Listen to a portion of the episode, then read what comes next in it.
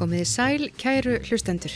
Þetta er þátturinn sögur af landi, þáttur þar sem flakkaður um landið, sögur úr samfélaginu rifjaður upp og fréttamál líðandi stundar, skoðu nýjum oft persónlegum áttum.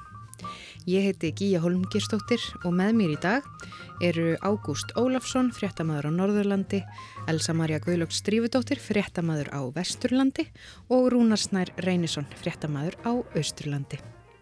Við komum víða við í þættinum í dag. Skreppum til að mynda til Seyðisfjörðar. Ég var með litla, litla orðabók, svona samtalsorðabók sem ég lærði nokkuð vel og ég lærði náttúrulega svolítið að tala við, við rúmennanu vegna sem ég var svo bara mikið hjá þeim.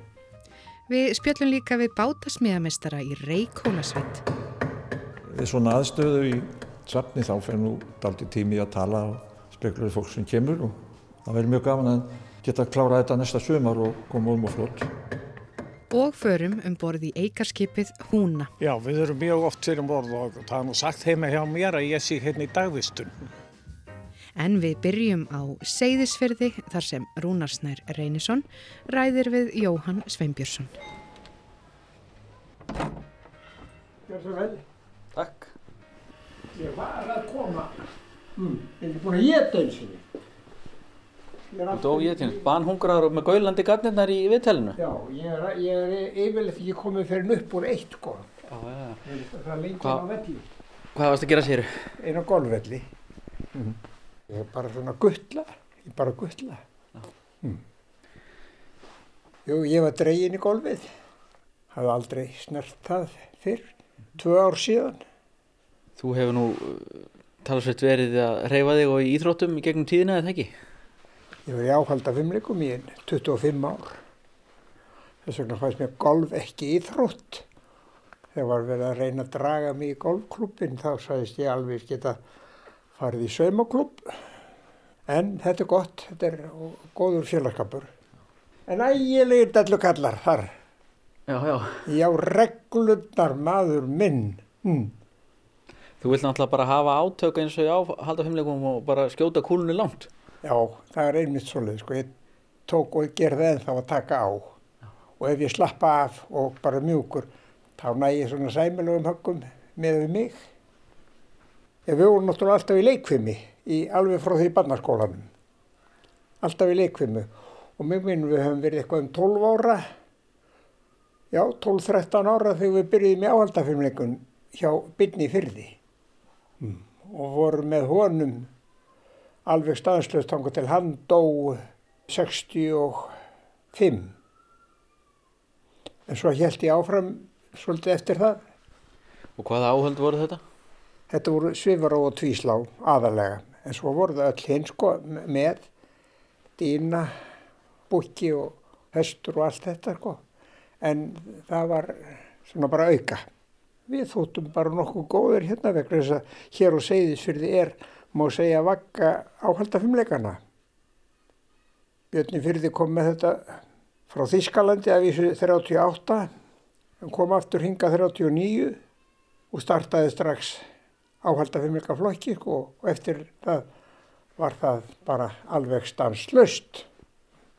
Og það var tekið svona mjög faglega og, og æfingar sko, eftir, eftir, já, svona eftir þeim bókum og kjænslubókum sem við höfðum sem hann hafi þýtt. En við vorum með eh, svona þær helstu sveiflutnar, aðal sveiflutnar sem að þá tíðkuðust. Þegar maður er að gera æfingar, að þá er þetta alltaf samsettar æfingar hjá manni og maður stendur undir, ég, ég nú er ég að tala um svifrána, maður stendur undir henni áður en maður stekkur upp, upp, á, upp á slána og þá er maður búinn að fara í gegnum allar æfingarnar sem maður ætlar að taka í þessari samsetningu. Svoleiðis að þetta er allt, alltaf snögt að að þetta er alveg velrænt hjá manni þannig að maður hugsaður ekkit á meðan maður gerir bara það sem maður var búin að prenta inn í heilan. Og sveflaður þeir heilan ring og sleftir slanni og snerir þér og... Já, já, við vorum með það allt saman. Það var svolítið gaman að segja frá því að það komu, mann man ekki hvað ár það var, sko. Þá vorum við búin að ná risasveiflunum og öllu þessu. Já, reysasveifla áfram og aftur og, og, og í kross og allt þetta. Og það komu menn frá rúsneska sendiráðinu, þeir voru eitthvað á ferðinu og Björn í fyrði drói vild alla svona sem hann hitti útlendinga með sér og þeir voru að horfa á okkur. Og, og þeir sá nú bara þegar þeir kvöldu sjáum við ykkur ekki bara næsta, á, á, á næsta heimsmystaramóti svo þeir. En þetta er nú bara ruggl en við vorum með, með, með þeim betri. Og þú þótti nú svona efnilegur á, á ymsan máta og varst sendur sem útsendari Erlendis til þess að sína dýrið íslenskra æsku. Nei, ég, það sendi mig engin, ég fór bara sjálfur.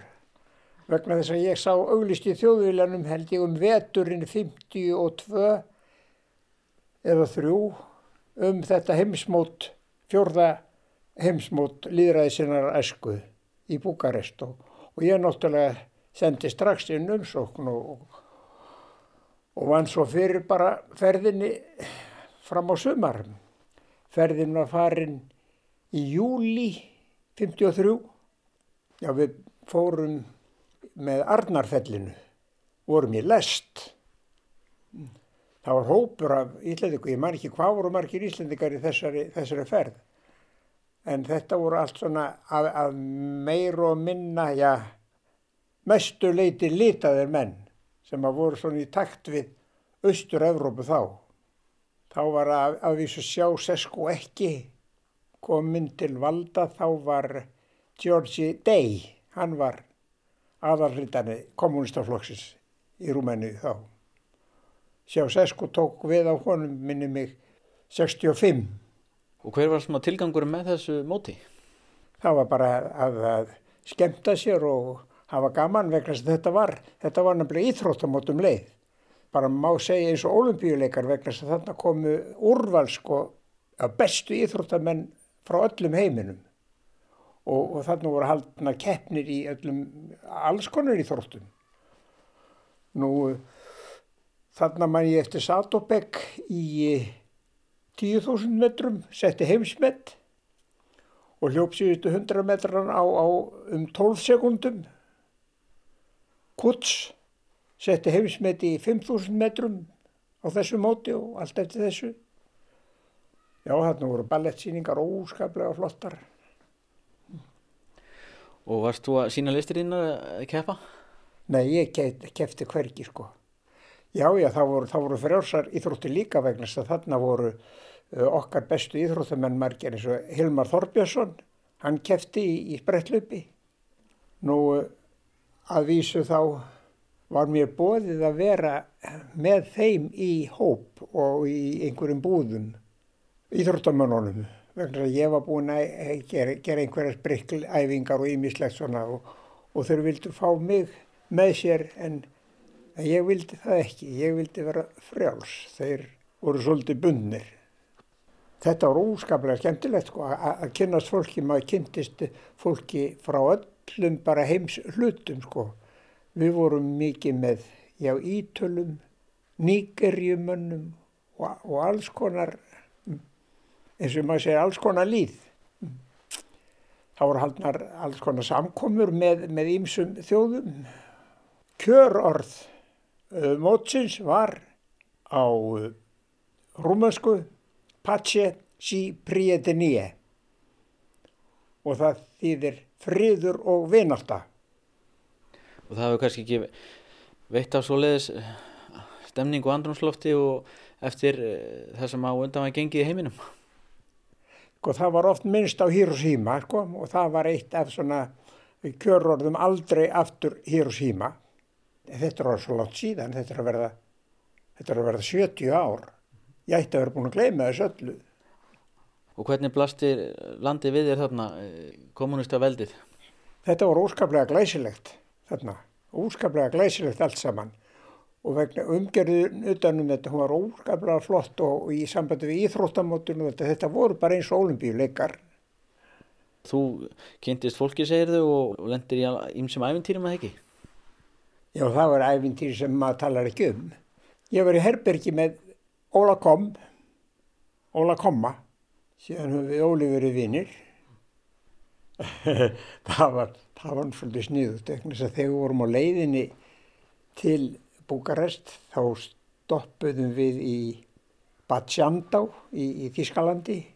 Það minnum upp með Elbu, óskaplega fallegu staður og þar náttúrulega eignast maður vinkonu náttúrulega. Við stoppuðum eina fjóra daga þar og hún vann einmitt á einhverju pensjónati svona þar svo gamlir uppgefa held ég herfóringjar sem voru þarna og þetta voru menn sem sátu ólega virðulegir og með einglirni og, og þetta voru skrítnir gaurar. Já þeir ætlaði að geta mig ég var, já maður, þá, var, þá var maður steltur og ljósarður og, og bar sig vel sko þarna var ekta ari sem er og voru þugglamann.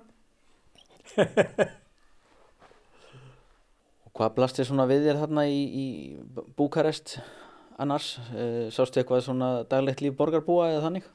Já, já, ég þá það vegna þess að ég strax minn bara fyrsta kvöldi held ég þá bara dreif ég mig út bara út á, út á götu og fór upp í strætisvagn og fór eitthvað langt e, eitthvað inn í borgin og, og steg þar út úr strætisvagnunum og svo þurfti ég að bjarga mér heim og með því að babla vegna sem maður var búin að læra nokkur orð í, í, í rúmunsku. Ég var nefnilega mikið innan rúmenana. Ég var þar svona heimilisvinur. Mm. Já, vinur heimasætunar og held það mikið til. En þið hefur ekkert langað til þess að ílengjast þarna þá? Fyrst þú varst búin að kynast fólki? Jú, jú, það, það var talað um það að, að vera þarna áfram og en það glemdist. Ég sé að það er falleg munnharpa hérna á borðinu. Spilar eitthvað á þessa? Ég spil ekki, ég blæsi þetta. Ég er bara fúskari, Já, já, já. algjör fúskari. Það verður gaman að heyra smá, smá tón, svona sem færið til að rifja upp eitthvað gammalt. Já, skulum, það er eitt hérna frá sem var voðalega mikið spilað í Búkarest þegar við vorum úti á kvöldun og þá voru alltaf dansað og ringdansar og allur fjandir sko og einn, einn dans sem heitir Kossadans og það var svona svolítið sniðuðu dans þar sem að menn völdu sér stelpur það var dans það var, þetta var svona ringdans og eh, já, þetta var ansið sniðut og, og byrju, ég ætla að reyna að vita hvort ég mann eftir því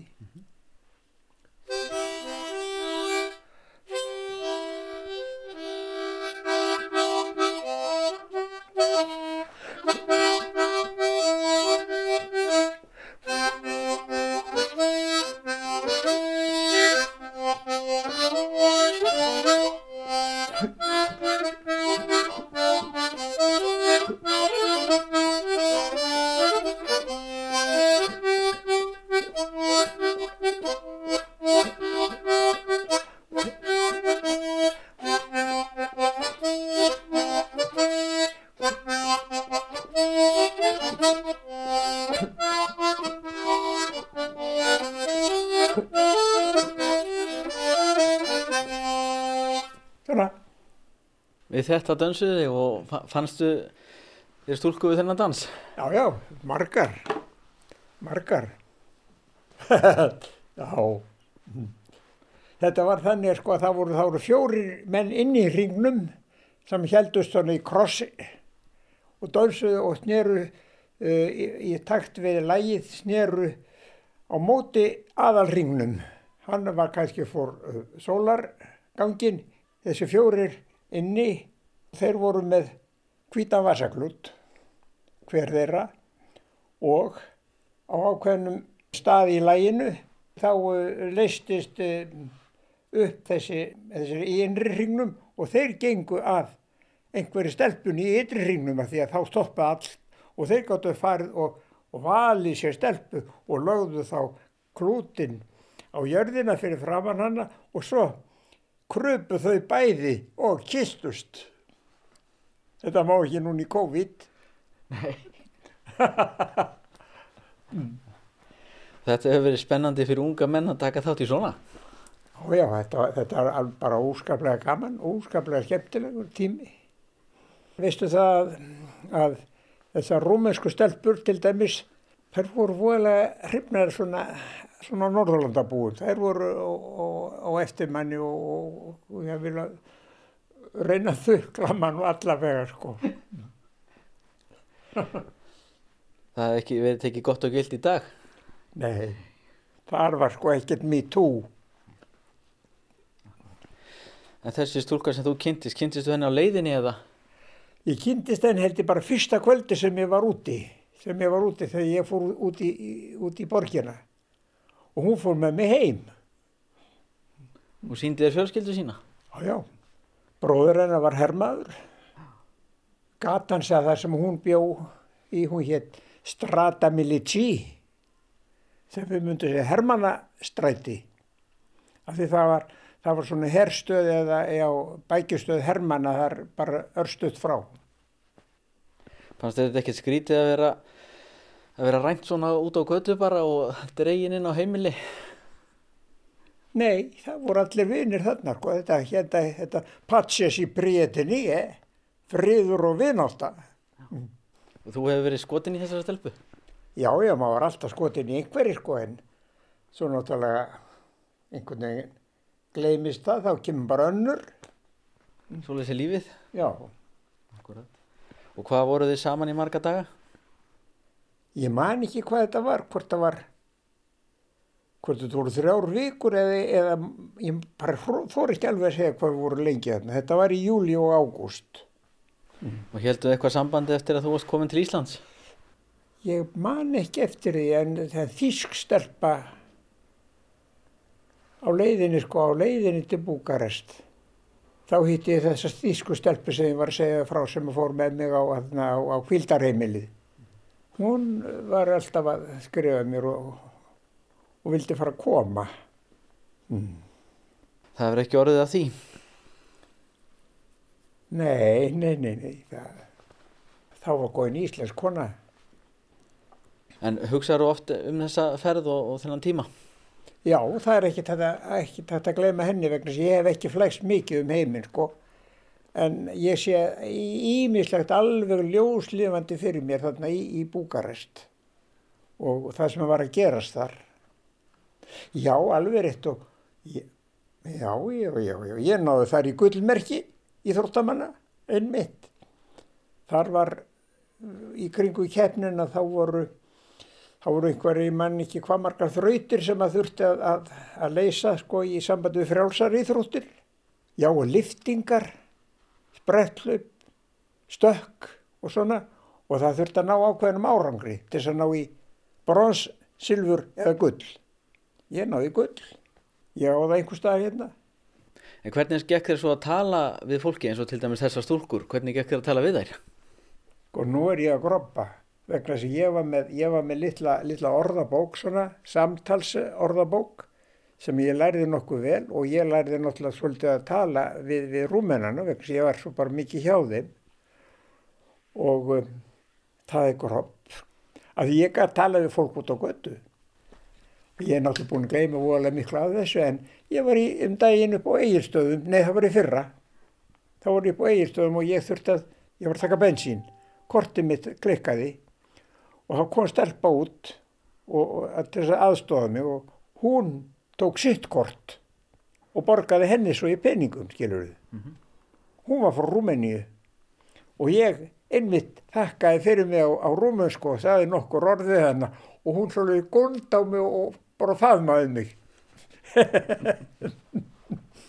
það var eitt sem maður kyrjaði mikið og það var söngur ítalskara kommunista Avanti Popolo.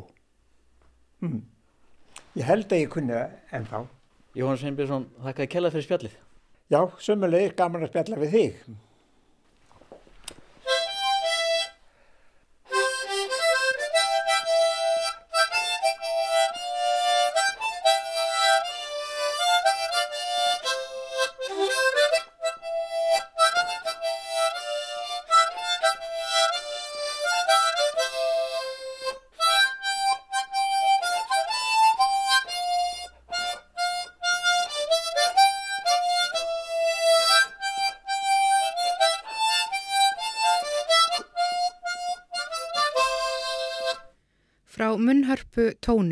Sögum Jóhann Sveinbjörnssonar á Seyðisferði höldum við í Reykjólasveitina í fyllt með Elsu Maríu Guðlöks Drífudóttur.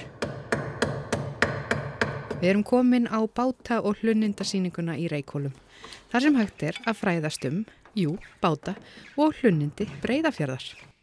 Á þessari sýningu er verið að gera upp bátinn Sindra sem er 85 ára gammal súðbyrðingur. Hvað er það sem þú ert að gera núna? Núna er ég að uh, fá hérna hallansjölu til þess að, til þess að næsta ból passi við. Ef ég gerir þetta ekki þá fyrir næsta ból bara eitthvað út í loftið hérna. Núna er ég að fá að það á að leggjast hérna að. Þá þarf þessi skái að vera í beinu framaldi af, af þessu til þess að næsta ból leggjast rétt. Þannig að núna útbýðir bara svona smá sínisórn af skáanum. Sko svona. Og svo fyrir með þetta upp á hefilbekk og, hefla hérna á milli. Þá kemur þetta rétt alla leið. Þetta er svolítið handavinna. þetta er mikið handavinna. Þetta, þetta er ekta handverk. Gerum, þegar maður að smíða svona gamlan sem maður vill ekki breyta nýtt að þá tökum við eitt og eitt borð og snýðum eftir því. Hérna, þetta gamla borð hérna það er hérna bara að því að ég var að snýða eftir en, en ef ég væri að þessu Já, þannig að þú tekur alveg eftir þeim.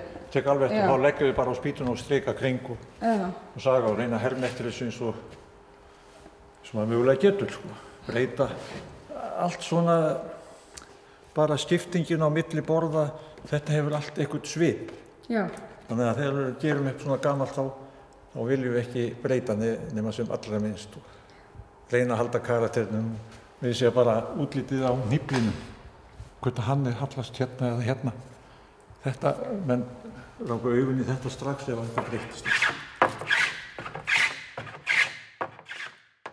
Já, ég heiti Hafliði Már Aðalsteinsson og er skipasmiða mistari og húsasmiður. Lærði þetta ungur, byrjaði tíu ára að hjálpa pappa. Hefur verið við þetta svona soldið alla tíð en mest í húsasmiðinni. Svo síðustu tíu ára smíða báta og bara gaman. Og nú ertu að sinna eh, svolítið sérstöku verkefni hérna í báta- og hlunundasýningunni. Hvað er það? Já, þessi bátur er uh, uh, sem að, bátur sem að safnið á og fengum styrk í vetur til þess að laga og við höfum verið að sækjum styrki gegnum tíðin og gengið mjög illa að fá peninga í þetta en svo fengum við myndarlega styrk í vetur og þá náttúrulega stökkum við á stað að laga hann og þetta er bátur svona dæmigjælur frá breðafellinum og vélbátur, smíða 35 og það eru ennþá upphaflega spýtur þannig að það er nóg verkefni. Eh, Getur þú kannski sagt aðeins frá sk- sko nákvæmlega hvaða bátur þetta er? Já, he- hann var smíðað 35 í kvalátturum fyrir eh, bændur á, bændur á stað. Það voru tví, tvíbildar held ég megi segja á þeim tíma, Jón Þórðarsson og Snæbjörn Jónsson. Þetta er smíðað fyrir þá og, og eh, Jón byggir svo nýbíli Árbæ þarna rétt við og þeir notuðu þennan bát og hann var á, hefur átt heima þar alla tíð. Þetta var nú meira flutningabátur heldur en hlunindabátur. Svona er smíðar þegar að vela, eða velbátarnir eru að taka yfir af árabátunum og er svona svolítið berþessmerki auðvitað en, en smíðaður sem velbátur samt og einn af þeim fyrstu að, sem var smíðaður heima.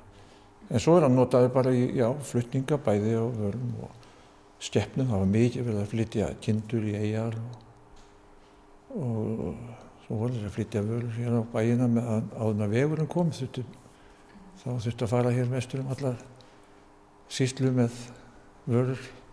Þá var það betra að fl- að fleita þeim heldur en að taka þeir á hestum. Þetta var þarfast í í honum og hérna neðsónum áðurna vegurinn kom. Það var bátur. Já, og sérstaklega hérna í Breiðafyrði. Já, sérstaklega breiðafyrir og ég og náttúrulega alveg því hestar voru ekkert notaður þar nema sem kerfuklárar.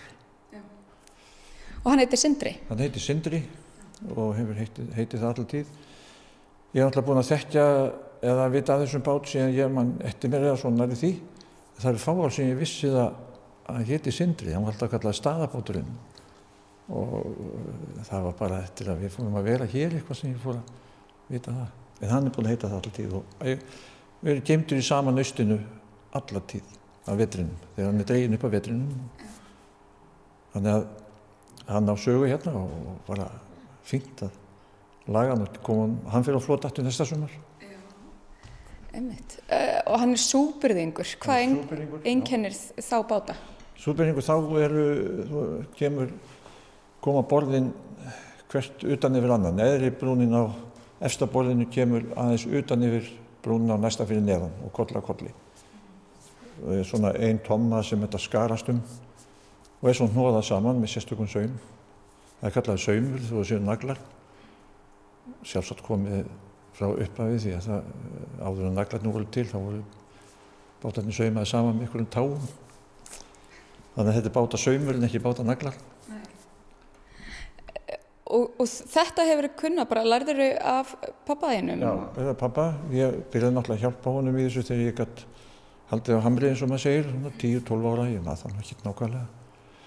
En svo lærði ég hjá honum, ég var búinn að því í 19 ára og, var svo að vinna við þetta svolítið eftir það en fór svo að gera eitthvað allt annað og, og lærði svo húsasmiði setna.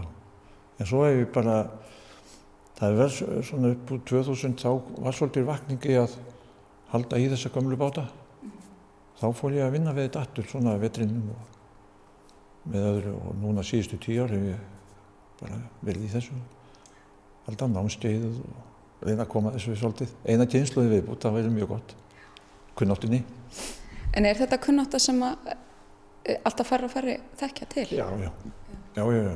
Það er, ég mann nú ekki, alltaf sé ekki svona 2005 sem ég var fundið inn í ránit og þá var mér sagt þar að voru 106 Íslandingar sem höfðu sveinsprófi í skipasmiði en þeir náttúrulega fækkar því það er einhver að læra. Tveir hafa verið að læra hjá mér og, það er lítið á móti þeim sem fara. Þannig að þetta er svona sem uh, líklegt að þess, þetta fjari út svona nokkuð kannski við vöknum við að uh, eins og normenn þeir, þeir vinna mikið í þessu ennþá og smíða báta fyrir hérna þess að gera upp gamla og smíða nýja ég vona við til það líka En þú hefur gert upp fleiri svona báta og hvað er það sem þarf helst að huga að við svona verk? Já, það er náttúrulega, já, ég er búin að gera þó nokkra báta bæði að hluta til og, endur smíða alveg það er þetta verður þegar fyrir hann eldist og fer úr henni fytan, harpisinn þá fer að koma vatn í staðinn þegar það er og þotna svo á milli og þetta smátt og smátt fúnar þetta bara og verður svona, hvernig það sé, feist viðurinn, þá ef það farið að eiga eitthvað við hann þá bara brotnar hann klopnar ekki eða þá er þetta ónýtt. Svo það er svona viðmið þegar við erum að gera við að ef að viðurinn þólir sér rifið frá honum þá getur við leift honum að vera og byggt á hann en ef að þólir það ekki þá verður hann að fara og bara stundum endar eða það skiptum alla spýtunar. En er það fyrst og fremst fyrra sem er notið í bátana? Það er fyrra í, í allan bylning en það er í þessum vélbátum er eik í máttaviðunum sem við kallum, kjöl og stefnum undirstöðum til vél og þess að tala.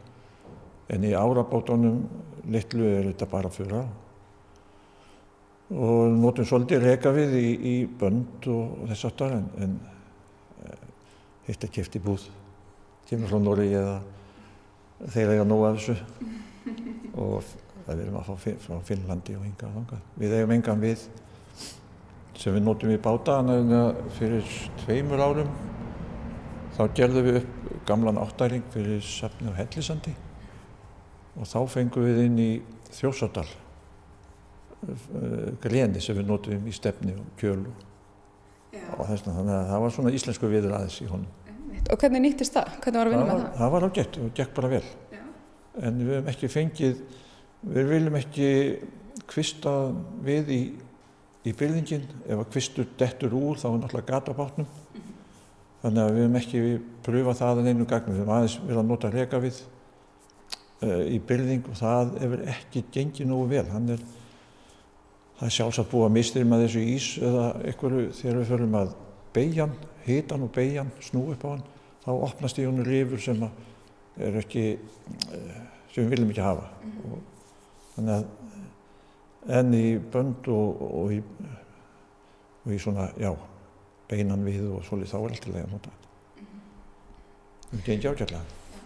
En þetta eru gamleir bátar þessir 85 ára, hvernig tilfinning er það að vinna með svona gamla muni og gera það á nýja? Ég sé nú eins og hjá öllum sem er að fást við þetta, við reynir að breyta sem allra minnstu. Það er, við notum að sjálfsögðu nýtisku verkvæli, við erum ekki bara með auksin á hefilinn frá afa, en, en við reynum að breyta sem allra allra minnstu. Og við erum með segja með sko, reyna, það er svona strykhefla það sem gerum svona rendur á þetta. Þá erum við að nota gömulverkværi til þess að það. Við reynum að gera það. En, en, en svo tekst þetta mísaflega við, jújú, bara ef þú að þeirra þá tekst þetta En þetta er, einmitt, þetta er þá handbrað sem að stendst tímans tönn?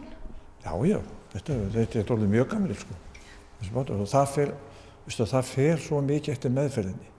Ef þetta er látið drabbast niður skítugt og með raka þá fúnar þetta ótrúlega fljótt. En ef þetta er þrifið og breytti yfir þetta veturnar og gamla dag kvóldum en bátunum til þess að þið væri ekki fyllir að snjó og yfir veturinn til þess að og þá eldist þetta vel, bera á þetta eitthvað, eitthvað málningu eða tjölu eða hvað sem er með, þessi bátur hefur fengið alveg úrvals meðferð allir tíð bara við vitum það ekki, ekki bara sjáum það, við vitum það Já. það voru vandaði kallar sem áttu þetta þannig að þess vegna er hann núna gammal En að halda þeim á floti, það fyrir líka vel með það? Já, já, Not, notgun er bara betri já. það, það er ekkert gott að þeir standi alltaf upp á landi og sérstaklega við sumarið mm -hmm. Sólina skýn í það og, svo regnir í það og þetta er alltaf á ferðinni viðurinn. Það er ekki gott en, en en að vinnar er gott að geima þetta bara uppi og breyði yfir þá ekki láta snjóa og koma að klaka í þá og svona. Þá fíkur þið og skýtur þannig að það er svona já já, meðferðin skiptir mjög miklu Já, og hlýfaði með veðru og vindum. En þú ert byrjaður, búin að vera hérna að vinna að sindra í sumar og já. hvernig miðar verkinu? Hægt og bítandi það fyrir við svona aðstöðu í safni þá fyrir nú daldi tími að tala og spekluður fólk sem kemur og, og allt í lagi. Það var meiningið vissu þegar við sóttum um styrk fyrir þetta þá var það nú bara upp að við ætluðum við að hafa þetta þá hér og, og lifa fólki að fylgjast með og skoða og speklura. Og það er, en þetta er samt komið á stað og, og uh, kannski tökum við smá tjálni í haust bara og komum við sennilega tveir og gerum svolítið, verðum nokkar dag og gerum svolítið. Það verður mjög gaman að geta að klára þetta næsta sömar og, og koma um og flott.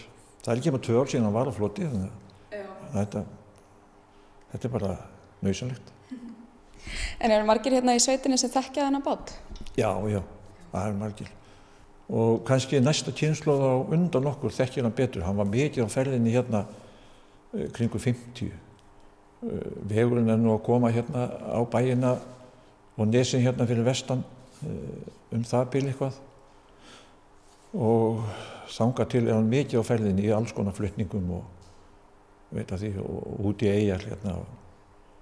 Þannig að hann var notaður talsvert af því en, en þetta var uh, uh, þóttu óþægilega stór bátur í hlunindabúskapin selveiðina og æðadúnin þá vildu þeir vera með minni báta svona sem þessi fjagramanna sem voru kölluð árabátanir svona 6 metrar lengt, þeir voru vinsalastir í því.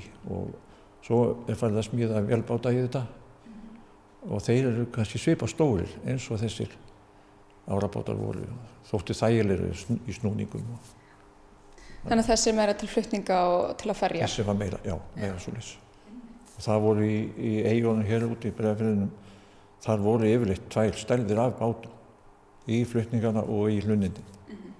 þannig að eins og ég er, ég er uppalinn hér út á eigið kvalláturum og það sem var eh, eitthvað 200 og eitthvað húlmar sem þetta fari í, í æða, æðavarpinu og, Þannig að það var mjög gott að vera á nettum bátum í það en ekki í einhverjum stórum lurkum. Já, eitthvað sem er aðeins leiprara. Leiflara, já, Já. einmitt. En hann fer þá á flót á næsta ári. Á flot- Já, það er miðað við það, hann fara á flott næsta sumar, svona setnipartin.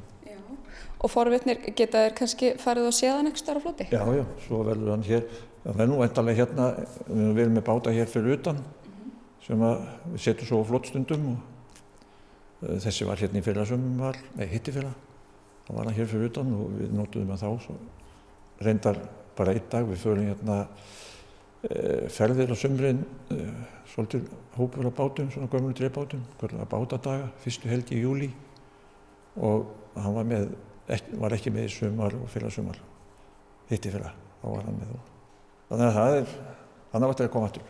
Spennandi, Háli, kæra þakkir.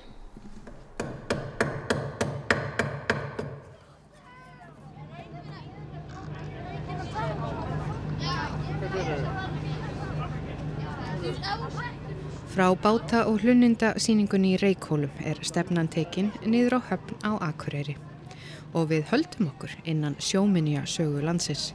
Við fræðumst nú um eikarskipið Húna annan EA 740. Þetta bráðum 60 ára gamla skip hefur mörg undafarin ár verið gert út af hópi fólk sem kallar sig Hollvini Húna.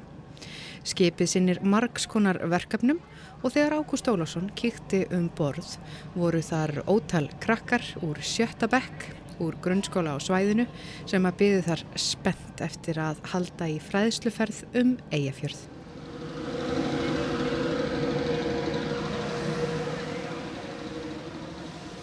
Já, það er, ég er nú hérna kallað Steini P. heiti Þorstein Pétursson og er varaformaður hérna í þessu félagi. Gunnar Sturla Gíslason, formaður Hollvinna félagsins. Hún annar á sér auðvitað stórmerkilega sögu og, og hérna, já, kannski ekki sjálf gefið að, að þetta skip sé hreinlega bara til. Nei, það er sko alls ekki sjálfgefið og það var ótrúlegt kraftaverk að það voru hjón sem að björguðu skipinu þegar var búið að leggja því það var komin úreldingakraf á það. Þetta var síðasta stóra eikarskipi sem til var og þeim var svona, voru tengt skipinu svolítið og gátt ekki hugsa sér að láta það að fara uh, í pottin eins og kallað er. Og þess vegna bjargaði skipið eftir 30 ára mátkun sem fiskiskip og síðan var það byggt upp fyrir ferðarþjónustu og nú er það hér á Akureyri í fer, svona, já, ferðarþjónustu og, og þessum verkefnum sem við höfum verið í. Gunnar, þetta hollvinafélag húna, þetta er, þetta er merkileg, merkileg félagskapur og, og ég, ég segði mér hans að þessu félagi, hvernig er það myndað og hverju eru þetta? E, þetta er félagskapur sem hefur áhuga að varveita gömulskip og félagskapurinn er náttúrulega fyrst og fremst í kringum húna, hefur áhuga fyrir gömlu sk- skipum.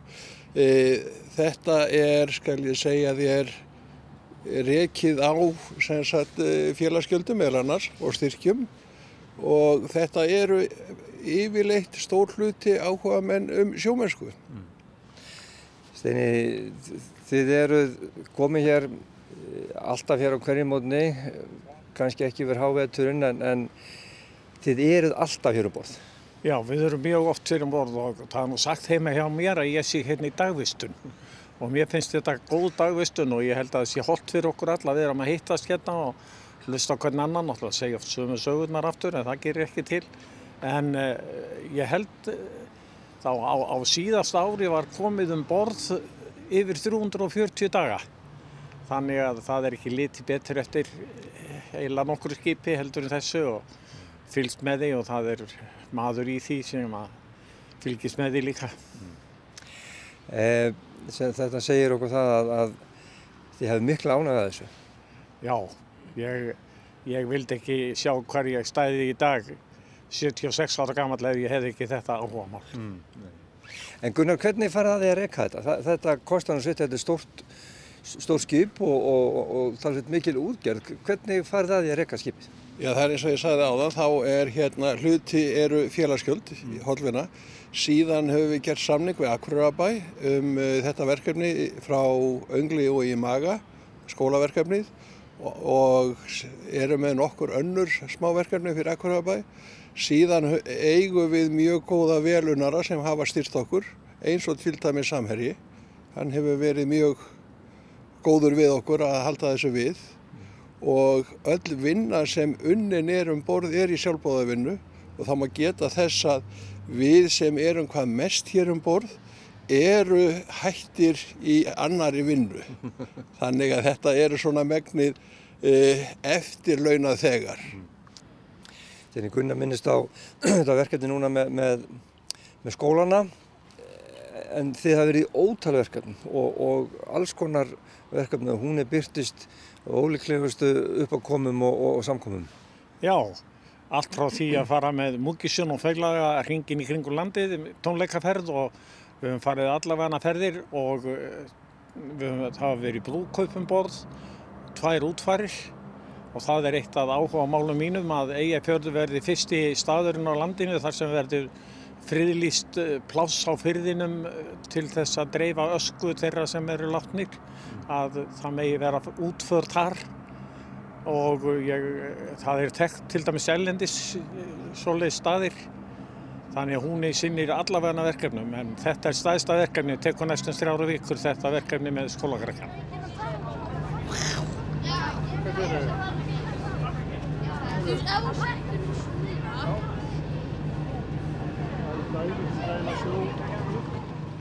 Lýstu þið hans fyrir mig hvernig þið gerir þetta og, og, og með þessum börnum. Þetta er, þetta er fjöldin allar af börnum.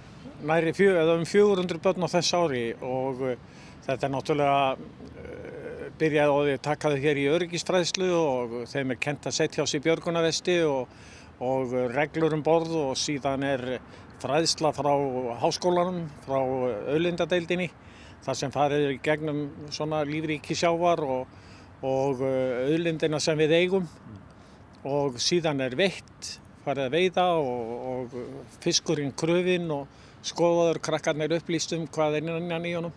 Síðan eru það þeir fiskurinn er flakaður og við grillum hérna fiskandaðum sem við borða á heimleiðinni. Gunnar, þetta, þetta hljómar eins og ánægilegt verkefni. Já, þetta er ekki bara upplöfu fyrir börnin, heldur okkur líka því að við erum að fá því líka sko hrós hjá þau sko, þetta er besti lag, dagur lífsmins, eitt saði ég er að fá hjartaáfall, ég er svo hamingjusamur. E, þau hafa aldrei borðað eins góðan fisk á æfinni og hafa sagt við kennarana því ósköpunum er ekki hægt að hafa svona góðan fisk í mötunitinu. Mm.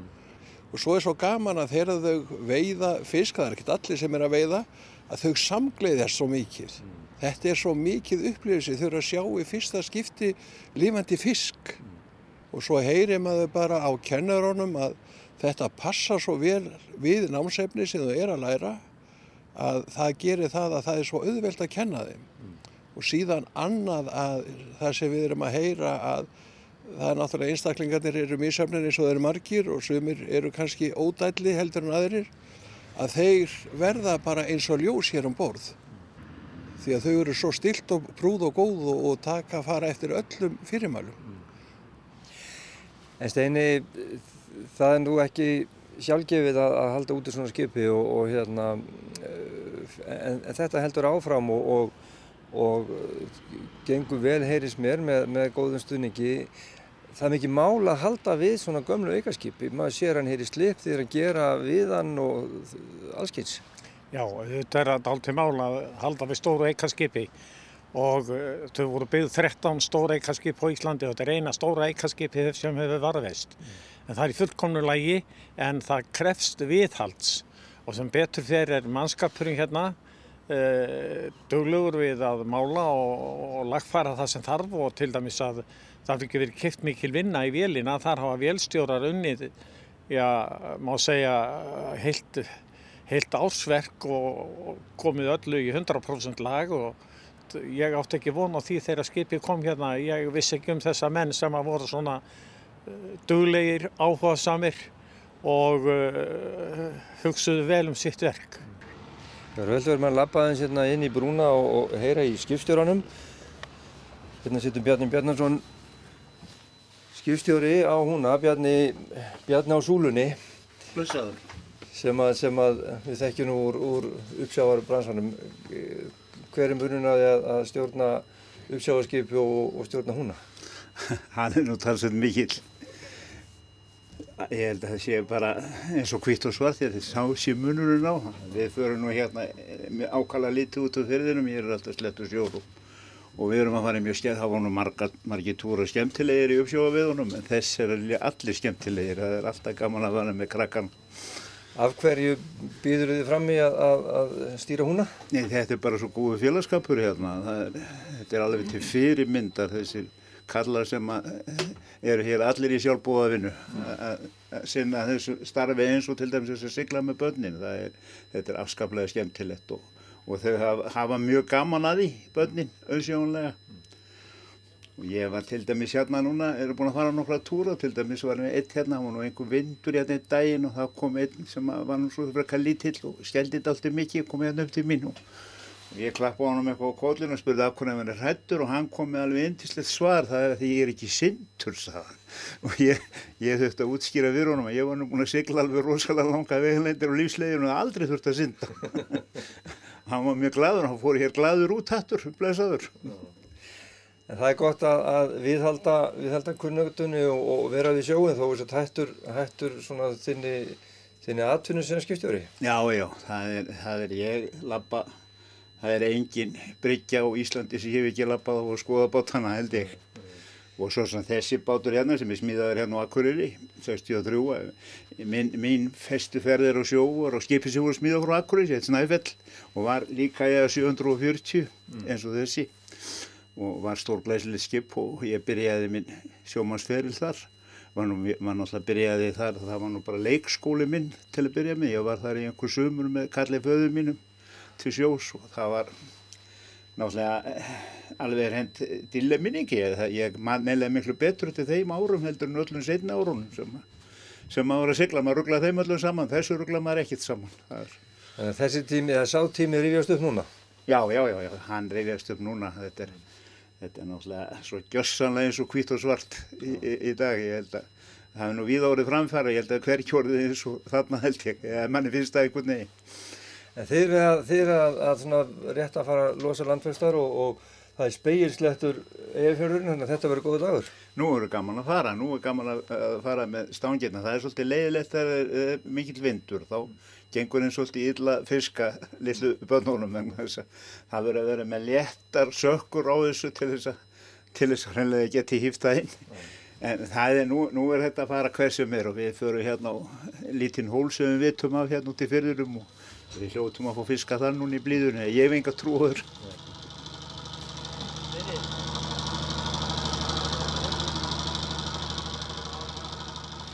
Eh, verður húnni gerður út áfram næstu árin og kannski bara næstu mörg árin? Já, það ætla ég svo sannlega að vona og einn besta aðferðin til þess að varveita svona skip, það er ymmit að þau hafi svona verkefni. Að skipi sé hreift og það fái sagt reyfingu og eins og ég segja á þann, ég vona það svo sannarlega meðan að menn hafa áhuga fyrir að varveita skip og það má benda það að færi engar þeir eiga fullt af gömlum skipur sem þeir varveita við eigum bara örf á og jafnvel hafa menn eh, haft hugað eigðarleikja skip sko, sem hafa virkilega mikið sko, varveislu gildi mm. og hérna en ég vona svo sannarlega að þetta skip fá að njóta sín áfram. Um ókomin ár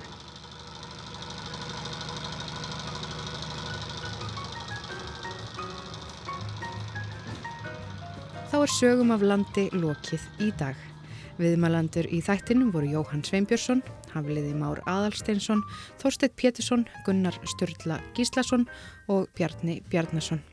Og við minnum þetta á að þessi þáttur og eldri þættir eru aðgengilegir í spilara RÚF á rúf.is og á öllum helstu hlaðvarpsveitum.